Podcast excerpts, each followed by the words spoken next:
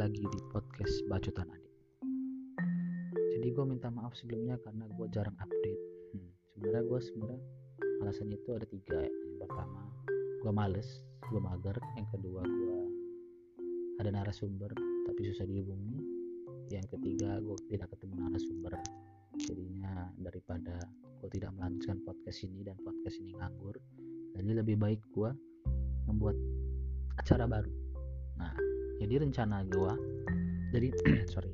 Jadi rencana gue hari ini adalah ingin membuat acara baru yaitu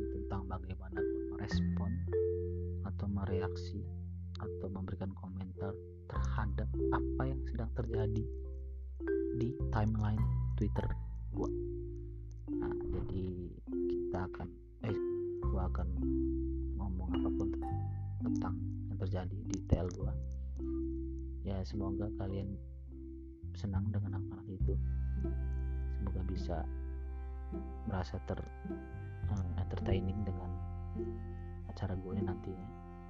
Ya oke. Okay. stay tune ke segmen selanjutnya.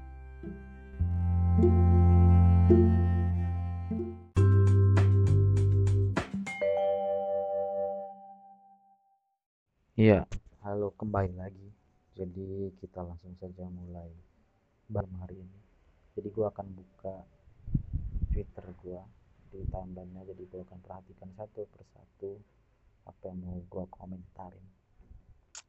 Apa ya? Coba gua baca? Oh ya ini dari the first take.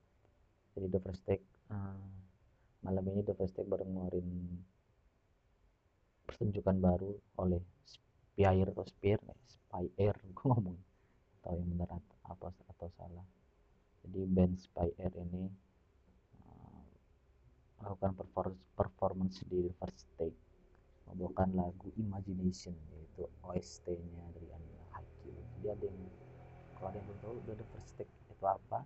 Jadi the first take itu adalah sebuah channel YouTube di mana para musisi itu ditantang untuk melakukan performance performance di dalam suatu ruangan putih dalam sekali take jadi ketika ada satu kesalahan atau apa pun tak peduli sekali record langsung jalan seperti itu. Jadi vibesnya seperti merasakan konser seperti melakukan konser gitu. Cuman memang kalau konser kan kalau ada yang salah bisa ngulang. Sebenarnya juga bisa ngulang tapi kan jadi penampilannya jelek sih kalau ngulang ya. Jadi sebenarnya satu kali rekam gitu. Jadi kalau ada salah ya udah laba saja gitu. Jadi jadi banyak jadi ini salah satu fenomena di perjutupan Jepang dan dunia menurutku. Jadi satu gebrakan baru ya. Jadinya para musisi itu jadi lebih tegang gitu karena nggak ada penontonnya dan mereka harus menyanyi seperti mereka sedang nyanyi betulan gitu. Jadi nggak boleh ada salah lah selama biar performanya bagus gitu. Gitu itu kalian belum tahu first take aja cari aja di YouTube first take gitu. Oke lanjut tweet apa lagi yang mau gue komentar ya? Oh ini jadi Watchman ID tanggal 13 Oktober tapi udah bisa nonton lebih awal. Ya udahlah ya. Jadi gambarnya gambar film Dune.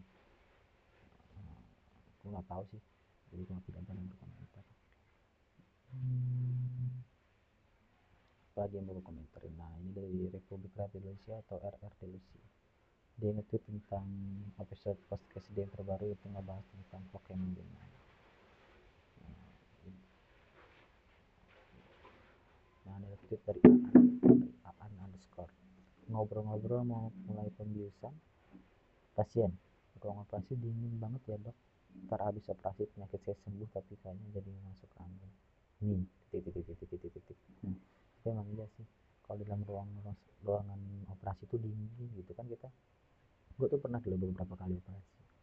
Di dalam ruangan operasi itu kan kita pakai baju khusus baju pasien gitu loh yang kayak di film-film kalau warna hijau warna, warna biru gitu. Nah itu kan kita nggak boleh pakai daleman langsung kayak jadi jadi pakai baju pasien itu nggak pakai daleman pakai apa. Nah terus tuh AC nya ruangan itu dingin banget.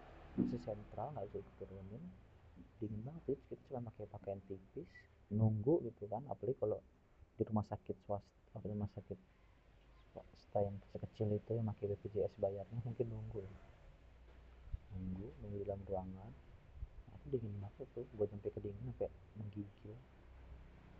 Karena gue nyampe jadi sebenarnya setelah kita dioperasi selesai itu kita tuh langsung dibawa masuk ke ruangan apa namanya ya kayak ruangan stabilan gitu. Nah di situ banyak kedinginan orang tuh sayang jadi jadi sebelum dimasukin ke dalam ruangan ke ruangan kamar kita ini kita stabilin dulu di situ gue nggak tahu sih benar apa salah tapi yang gue tangkap dari waktu itu. Gue sih kayak gitu soalnya gue kan dibius jadi udah dibius pas operasi itu nah di situ stabilannya tuh untuk meredamkan suhu-suhu badan itu biar nggak terlalu dingin gitu. Nah lanjut komentarin apa ya? Hmm, belum ada yang menarik. Nah ini ada nih. Genawan Marianto dan keberhasilan raih Piala Citra lewat film tanpa dialog. Tweet dari Gen FI Good News from Indonesia. Keberhasilan memerankan karakter Uji Tukul membuat Genawan kembali bermain film bertajuk The Sense of Fiction atau yang juga memiliki judul lain Hiruk Pikuk Si Alkisah. Dan konsep berbeda Gunawan kali ini harus menerima tantangan membintangi film yang mengangkat cerita soal teori konspirasi mengenai pendaratan pertama manusia di bulan dengan memerankan karakter pertama bernama Siman. Menarik benar kayaknya filmnya. Kayaknya film tentang science fiction gitu. Tapi Indonesia, jarang-jarang sih sebenarnya kalau science fiction Indonesia gue nggak tahu banyak soal film Indonesia sih tapi kayak Noir itu bisa bilang science fiction nggak bikinnya mirip nah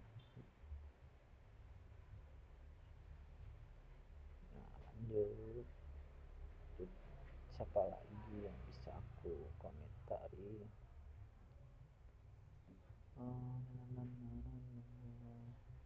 Tidak ada yang menarik malam ini sepertinya. Oh ada lagi nih. Nah ini dia dari good news from Indonesia lagi. Di sini itu sirkuit Mandalika resmi masuk kalender MotoGP 2022 terpilihnya Mandalika menjadi salah satu tuan rumah diumumkan secara resmi oleh pihak promotor dalam kalender sementara MotoGP 2022 yang artinya tanggal pelaksanaan untuk seri tertentu bisa berubah sewaktu-waktu. Jadi sekarang nanti tahun 2022 sudah ada GP Mandalika, GP Indonesia. Nah, nah, namun jika berjalan sesuai jadwal yang telah ditentukan, rangkaian seri MotoGP 22 akan dimulai sejak tanggal 6 Maret hingga 6 November 2000, 2002. Hmm. Nah, dari yang gua baca, gue pen, udah gue udah baca sebelum, sebelumnya gue sebelum baca ini gue udah dapet sih beritanya gitu. Katanya di apa namanya pertandingan kedua seri kedua gitu Mandalika baru udah bisa dipakai gitu jadi dapetnya di seri yang kedua gitu nggak ngerti gue pokoknya dari urutan GP itu yang kedua yang pas yang kedua GP yang kedua di Mandalika. Nah, lanjut. Apa lagi ngebut aja nah apa lagi ya nah hmm, tuduk, tuduk, tuduk. Hmm, belum ada yang menarik. Nah ini dari Political Check Indonesia hahaha dia ngetweet gambar PSI diduga palsukan tanda tangan kader soal dana banpol. Nah apa? Aduh gimana ini? Dah no komen nah ini nih tweet dari Mardial dia ngetweet yang mau mempersiapkan pernikahan bisa pertanyaan istri, istri gua. Soalnya kita dulu ke pameran wedding jadi rapat, dapat WO dengan harga terbaik. Dan di bawah ada list tempat jas gaun dan etc etc dan doakan tahun depan pandemi berakhir agar bisa resepsi dengan konsep mingle. Nah itu yang mau teman-teman istrinya apa namanya dia lu tau lah kalau mau ngecek tentang wedding segala macam nah itu selanjutnya dari Mas Aik Mas masx.com nggak tahu udah berapa ratus kali tanyain kapan nikah dan semacamnya lama-lama nanggepinnya jadi lebih santai. Makin ke sini malah udah nggak terlalu mikirin karena ternyata nyari duit lebih menyenangkan. Iya sih setuju kan nyari duit lebih menyenangkan. Kalau gampang kalau mudah dapetinnya. Kalau susah ya sulit juga bro capek. Kalau sekarang sekarang ini. Capek. Lanjut. Dari good from Indonesia lagi. Startup anyar Indonesia dapat suntikan dana dari Jeff Bezos didirikan oleh Nipun Mehra Alan Wong dari Sakti dan Riki Tenggara. Startup ini sebenarnya sudah mulai dikembangkan sejak pertengahan tahun 2019 oleh Nipun sebagai pemrakarsa utama nah, jadi ulahnya apa sebenarnya? Coba gue baca dulu. Ulah memiliki konsep bisnis yang mengandalkan aplikasi berbasis e-commerce di mana berisi berbagai pilihan barang dagangan, grosir yang biasa diburu oleh para pemilik warung atau pelaku UMKM, khususnya terkait kebutuhan untuk produksi konsumsi sehari-hari.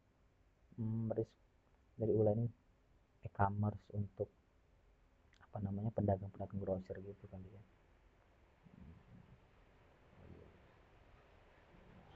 Jadi mereka ini dapat dikenal dari Jeff Bezos. Jeff Bezos ini adalah pendiri Amazon e-commerce terbesar di dunia. Eh nggak ter, terbesar ya. Kayaknya terbesar kedua deh yang pertama kan Alibaba ya atau yang pertama Amazon. Eh, pokoknya antara dua itulah.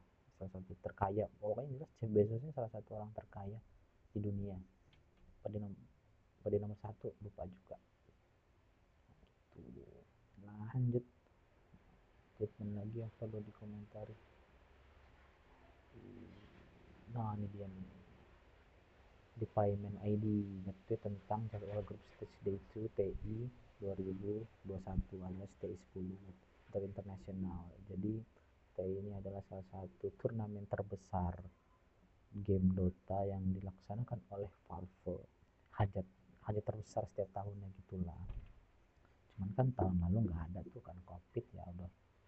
Lalu nggak ada nah jadi baru tahun ini dilaksanakan kembali. Jadi udah absen setahun gitu.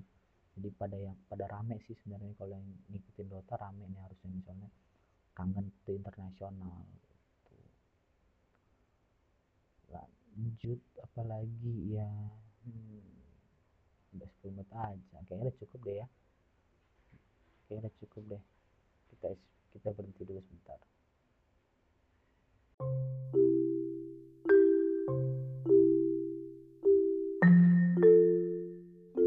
Ya mungkin itu saja untuk episode kali ini. Semoga bisa memberikan hiburan untuk semua para pendengar. Uh, terima kasih yang telah mendengarkan. Untuk teman-teman yang ingin mendengarkan podcast lain di podcast Bacutan Adib bisa cari aja di Spotify. Uh, namanya podcast Bacutan Adib seperti itu. Terima kasih. Saya kiri wassalamualaikum warahmatullahi wabarakatuh. Have a great day. Bye